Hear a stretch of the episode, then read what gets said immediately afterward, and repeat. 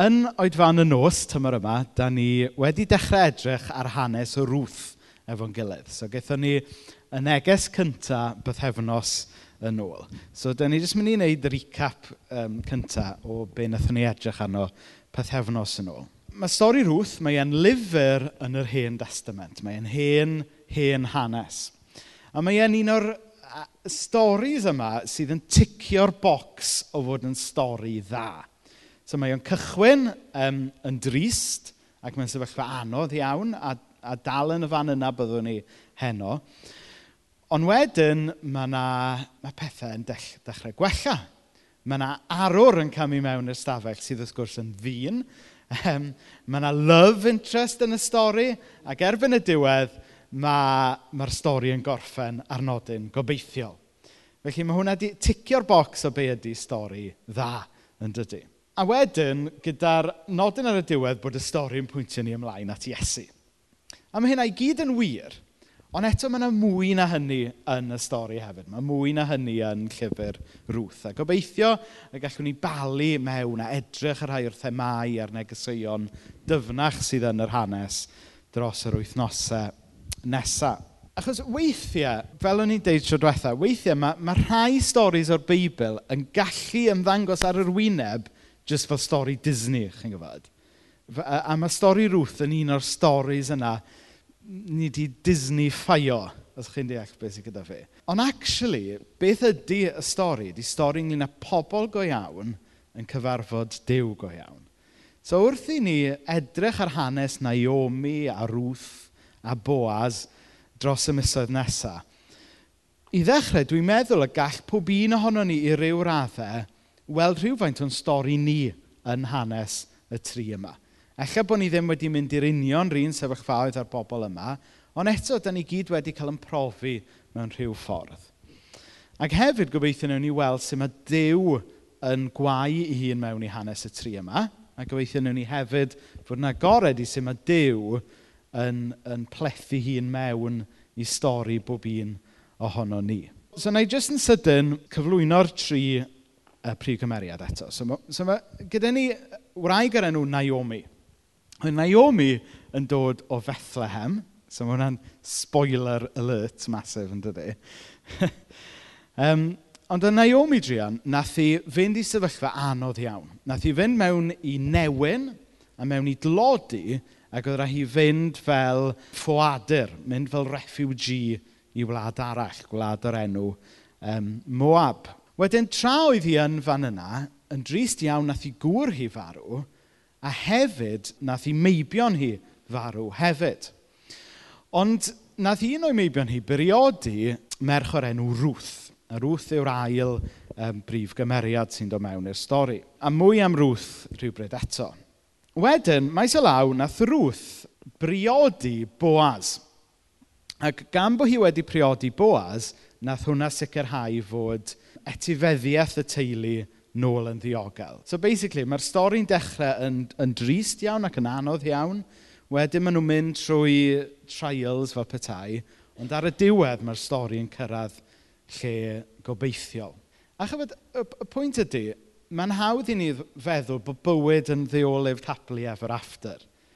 Ond y pwynt ydy, mae dysgu y stori a'r daith Achos mae lot ohono ni, da ni ddim wedi cyrraedd the olive ever after eto, na dan. mae lot ohono ni yng nghanol bywyd ar hyn o bryd. Mae lot ohono ni falle yn mynd trwy beth anodd. Falle, okay, does neb yma yn llythrenol mewn newyn, ond mae yna beth anodd yn does yn, yn dod ar traws bywyd pob un ohono ni. Da ni gobeithio yn gallu uniaethu rhywfaint efo Naomi a Ruth a gweld sut mae Dyw efo nhw trwy'r pethau anodd a sut mae Dyw gyda ni trwy bethau anodd hefyd. Nawr, o'n i'n dweud tro diwetha bod um, ffrind i fi, Meirion Morris, wedodd e unwaith bod e'n sgwennu rhan fwyaf o'i bregethau yn Comic Sans, ond fod rhai bregethau mae o'n sgwennu'n Times New Roman. A, a mae'r neges heno, fel y neges bythefnos nôl, yn Times New Roman. Achos ni, yn y rhan o'r stori, le mae e'n anodd. A mae Naomi yn mynd trwy bethau anodd. A chwbod beth, mae'n... Ti'n mynd yn natural resting face fi ydy gwenu, sydd yn really awkward pan chi'n arwen crebrwng gyda llaw. so, pan dwi'n eistedd yn y ffrent mewn crebrwng, dwi'n dwi gofio fatha ymladd yn erbyn peidio gwenu, ond be bynnag. Ond chi'n deall y pwynt sydd gyda fi. Chwa, mae rhai pobl ar resting face, maen nhw'n edrych fel bod nhw'n gwgu yn daeth. Ond, ma, ond dwi wedi medithio gyda resting face sydd yn gwenu. Ond, ond be bynnag, ond, um, ond mae neges heno yn ddifrifol.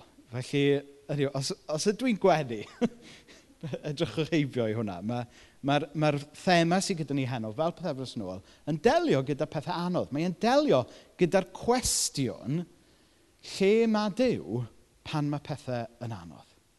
Sut da ni'n gallu trystio niw pan mae bywyd fel petai yn cwmpo i ddarnau o'n cwmpas ni. Chos dyna mae Naomi yn mynd trwy dda. Mae Naomi wedi mynd trwy'r holl brofiadau anodd yma. A mae'n mae dweud, oh, yr arglwydd sydd wedi gwneud i mi ddioddau. Nawr pethefnos yn ôl, wnaethon ni weld gobeithio mae be ydy'r statement yma, yr arglwydd sydd wedi gwneud i mi ddioddef, beth ydy e? Ydy human response, nid statement diwynyddol cywir. A mae hynna'n bwysig yn dydy, chyfod. A hefyd, mae'n bwysig bod ni ddim yn barnu pobl sy'n dod i fan sy'n dweud rhywbeth fel yna. Achos wathyn ni fod yn onest, pa mae rhywbeth anodd wedi hitio, yn siŵr bod rhan fwy ohono ni wedi dweud rhywbeth tebyg yn do. Yn siŵr bod pob un ohono ni wedi gofyn to pam fi dew neu pam bod rhaid i hwn ddigwydd i fi. Mae'n hollol ddynol yr ymateb yna. Nawr un Naomi, mi oedd hi yn un o bobl Iawe oedd hi'n un o bobl ddew, oedd hi'n un o blant Abraham. Ac o ganlyniad, oedd hi ddim yn dallt pam bod rhywbeth anodd wedi dod mewn i'w bywyd hi. Achos oedd hi yn meddwl, gan bod hi'n un o blant Abraham, bod hi dan y fendydd fel petai. Oedd hi'n meddwl, wel, dwi'n credu yn fy arglwydd, dwi'n byw bywyd ffyddlon, ac felly dwi'n disgwyl bendydd a bywyd braf. Ond eto, oedd hi bywyd hi wedi syrthio i ddarnau o'i chwmpas hi. Oedd hi'n meddwl, oedd hi'n meddwl bod hi wedi cadw ochr hi o'r del fel petai, a bod Dyw wedi gadael fynd o'i ochr e o'r dîl. Oedd hi, yn meddwl, oedd hi wedi byw bywyd parchus da. Ond yn sydyn reit, mae'r carped yn cael ei tynnu oedd ei tannu, a mae byd hi yn cwmpo i ddarnau. Dim yn gallu bwydo'i teulu. Mae'n goffa teithio i wlad arall. Ar ôl cyrraedd y wlad arall yna, mae'n cochi gŵr a mae'n cochi i ddau fab. Ac, a mae hwnna'n ddifrifol, achos yn y cyfnod yna, a byddwn ni'n edrych ar hyn yn fwy manwl maes o law, mewn chydig wythnosau, yn y cyfnod yna, oedd bod yn weddw, hynny oedd dim fel, oedd dim social security i gael. Wrth gochi i gŵr a'i meibion oedd hi llythrenol yn ddiwerth yng ngolwg diwylliant y pryd. Oedd bydde dim hawl gyda hi berchen ar eiddo. Oedd hi ar ben arni go iawn. A mae hi yn meddwl mae beth sydd wedi digwydd yw bod hi wedi syrthio allan o'r fendeth a bod Dyw rhywsut wedi troi cefn arni. Oedd hi'n meddwl, os byddai hi yn byw mewn rhyw ffordd, y byddai Dyw wedyn yn rhoi bywyd hawdd a braf iddi. A wa be, tybed yda ni yn llithro i feddwl rhywun peth weithiau. Bo ni'n meddwl, wel, os na i gredu yn niw, os na i ddod i'r capel yn ffyddlon, os na i roi digon o bres yn y casgliad, fi Dyw yn siŵr o falu ar yn ôl i. Ydy ni'n meddwl bod ni'n gallu bargeinio efo Dyw fel yna? Ydy ni'n slipio mewn i hynna? mae yna lyfrau, mae yna bregethwyr, mae yna eglwysi yn y byd yma heddiw sydd yn dysgu rhywbeth tebyg i hynna. Maen nhw'n galw fe yn prosperity gospel neu, neu health and wealth. Mae rhai pobl yn galw fe. Maen nhw'n nhw dweud, wel, credwch yn Iesu, dechreuwch fyw bywyd cywir, degymwch i'ch eglwys i'r gweinido gael prynu private jet, a mi fydd Dew yn eich bendithio chi ganwaith. Nawr, ar yr wyneb, y blawn y bit private jet, chybo, falle ar yr wyneb, bod e ddim yn amlwg beth sydd yn anghywir gyda hwnna. Mae'n bwysig credu yn Iesu. Mae'n bwysig bod ni'n byw bywyd ffyddlon, a mae'n bwysig bod ni'n rhoi diwaith yr eglwys a rhoi i elusennau. A ma Dyw yn yn bendithio ni. Ond unwaith da ni'n meddwl y peth trwyddo, mae'r ma, ma craciau'n dechrau dangos. Achos mae pobl sydd yn dysgu pethau fel hyn, mae'r craciau'n dangos pan i chi'n dod i weld beth yw eu diffiniad nhw o beth ydy bendith. Ac i chi'n sydyn iawn yn gweld mae bendith i lot o bobl sydd yn pregethu'r syniad yma yw bod chi'n cael swydd dda, bod chi'n cael arian da, car cyflym, tŷ neis ac yn achos rhai private jet. Hynny yw mae bod bendith yn rhywbeth materol, chi'n gwybod. Ond pan mae Iesu, pan mae'r Beibl yn siarad am fendith, dyw e ddim yn siarad am bethau materol, mae'n siarad am yr heddwch na wir y byd amdano. Pan mae'r Beibl yn siarad am fendith, mae'n siarad am bresenoldeb Iesu yn eich calon chi pan mae popeth arall yn syrthio i ffwrdd. Dyna ydy'r fendith mae'r Beibl yn siarad amdano. Ac reit ar y diwedd heno, byddwn ni'n canu yr hen emyn sydd wedi cael ei gor-sentimentaleiddio ychydig bach o fy Iesu bendigedig. A mae pennill ola byddwn ni'n canu fe ar y diwedd. Mae'n dweud pwyso ar hawddfyd, hynny yw bywyd braf, hwnnw'n siglo. Profi'n fi a newid byd Ond pwyso ar Iesu, dyma gryfder sydd yn dal y pwysau i gyd. A chybod be, mae hwnna mor bwysig i ni gofio yn dydy. Mae mor hawdd i ni fynd i adeiladu yn bywyd ar just cael bywyd cyfforddus a braf. Ond mae bywyd yn gallu newid yn sydyn iawn yn dydy. Mae pobl yn gallu cochi swydd dros nos. Mae pobl yn gallu colli rhai anwyl dros nos. Mae, mae, mae pethau a sefyllfaoedd yn gallu newid fel yna. Felly mae'n bwysig bod ni ddim yn adeiladu'n gobeithio yn bywyd ar pethau fel yna. Be da ni'n cael yn gwahodd i wneud ydy adeiladu yn bywyd am ffydd ar Iesu ei hun. Achos lle mae popeth arall yn gallu newid, mae Iesu yn ffyddlon. A mae Iesu yn sticio gyda ni drwy bopeth. Nath Naomi, a ddim bod ni'n cochfarnu hi, achos ath hi drwy brofiadau mawr, ond fe ath hi i feio Dyw, achos bod hi'n meddwl bod Dyw rhywsyd ddim wedi cadw ochr e y fargen. Ond y pwynt yw, nid fel yma gras Dyw yn gweithio yna. Da ni ddim yn ffyddlon i Ddyw y meddwl allwn ni brynu cariad Dyw. Hynny yw, mae cariad Dyw i ni yn ddiamod yn dydy mae'n dechrau dod, os ewch chi i canolfan arddio Fron Goch, mae'n dechrau dod yn amser doleg yn dydy. Yn ôl Fron Goch, sy'n eisiau jyst gwerthu tinsel i fawb. Ac, chyfo, wath fi fod yn hollol onest gyda chi. Mae'n amser flwyddyn lle dwi'n dechrau meddwl, faint mae cynnan ymrawd i'n debygol o wario arna i? Er mwyn i fi wneud yn siŵr bod fi'n gwario rhywbeth tebyg arno fo. a tywed, da ni gyd fel na, dydan. A chybod beth, da ni'n neud y camgymeriad weithio, feddwl mae dyna sy'n mae'n gweithio efo Dyw, chybod. Dim ond i fi roed hyn a hyn i Dduw, bydd Dyw yn rhoi hyn a hyn nôl i fi. Nid fel na mae'n gweithio. Mae Dyw yn rhoi gras a cariad i ni a talnod llawn. Dyna ydy un o'r diffiniadau be ydy gras, sef rhodd sy'n disgwyl dim byd yn ôl. Ac oedd Naomi Drian oherwydd i sefyllfa wedi mynd i sefyllfa le oedd hi ddim yn deall, ti'n gwybod. Oedd hi wedi bod yn ffyddlon a pam bod Dyw nawr yn neud rhywbeth fel hyn iddi hi. Wel, neu Dyw oedd yn neud drwg iddi. Oedd hi'n byw yn y byd cymleth yma sydd wedi syrthio. Yr un byd yda ni'n byw yn fe nawr.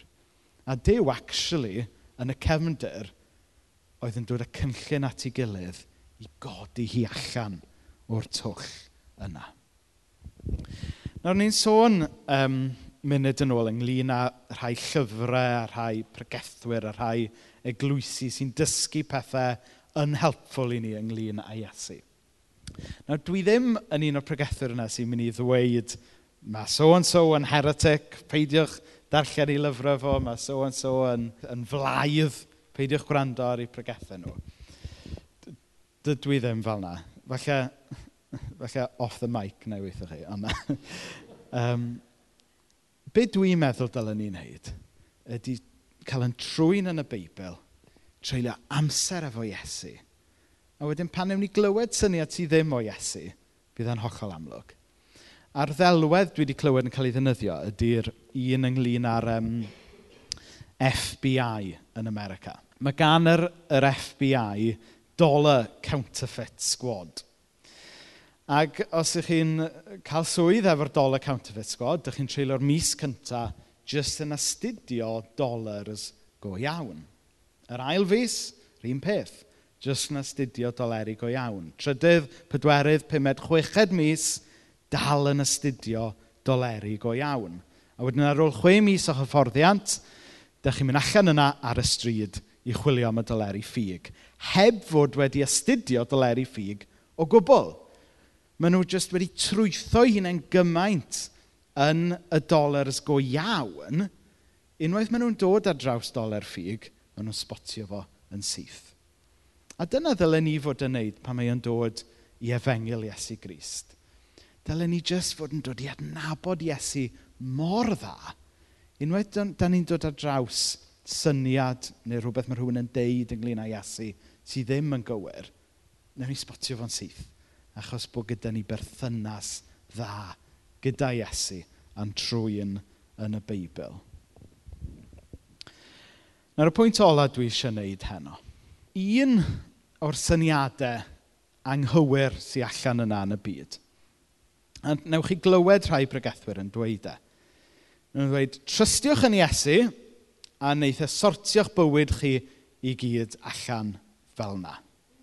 Os da chi'n clywed rhywun yn deud hynna, maen nhw'n deud celwydd.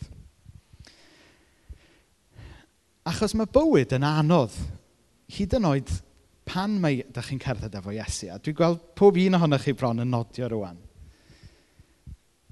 A chyfod be, oedd um, chyfod y pop-up yna sgynny ni fyna.